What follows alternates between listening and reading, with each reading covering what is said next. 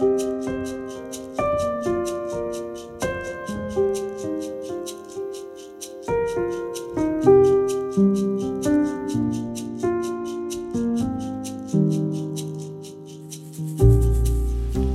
du lytter til Spires pod, og jeg heter Vidar Mæland Bakke. Vi er i påsketiden, og det er en fin anledning til å komme ut og merke at våren har begynt å ta tak. Og her på Jæren, hvor jeg bor, er det nydelig å komme ut igjen i det åpne, flotte landskapet. Og da ser vi noe som er veldig karakteristisk for eh, det området vi bor i, nemlig de flotte steingardene som markerer grensene mellom gårdene. Jeg kan fortelle om en liten prestetabbe jeg sjøl gjorde en gang i en begravelse. Da presterte jeg å kalle dette fenomenet på Jæren, disse flotte steingardene, for en skigard.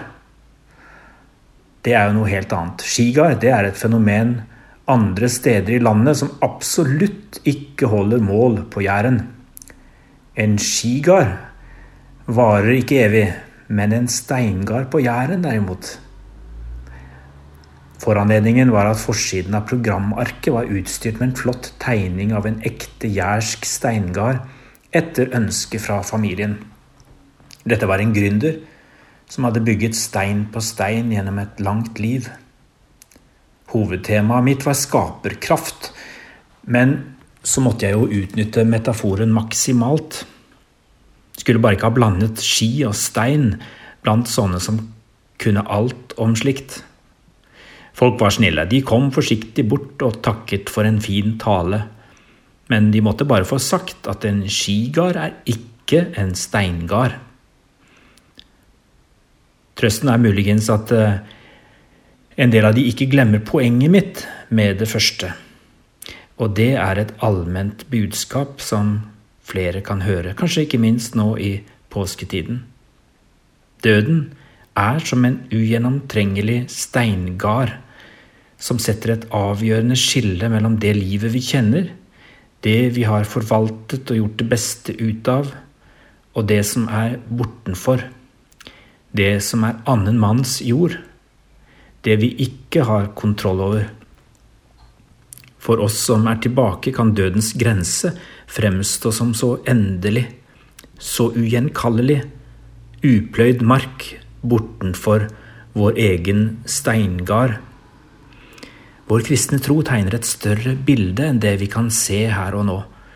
Der vår kontroll og vår råderett tar slutt, der overtar Han som ga oss livet, og som er herre over både jord og himmel, liv og død. Han som beseiret døden. Han som har det store blikket. Vi får lov til å overgi oss selv i hans hender. Han som ikke bare skapte oss, men som også ga sitt liv for oss ved sin sønn Jesus Kristus. Det gjorde han fordi vår egen livsevne og skaperkraft er begrenset og rammet inn av dødens konsekvenser. I ham finnes håpet, også bortenfor våre tilmålte grenser. Det er denne tro vi fester vår lit til.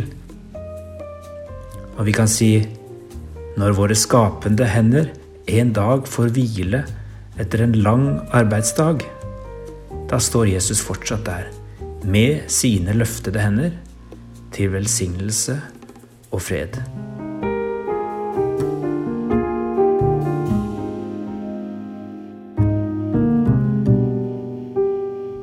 thank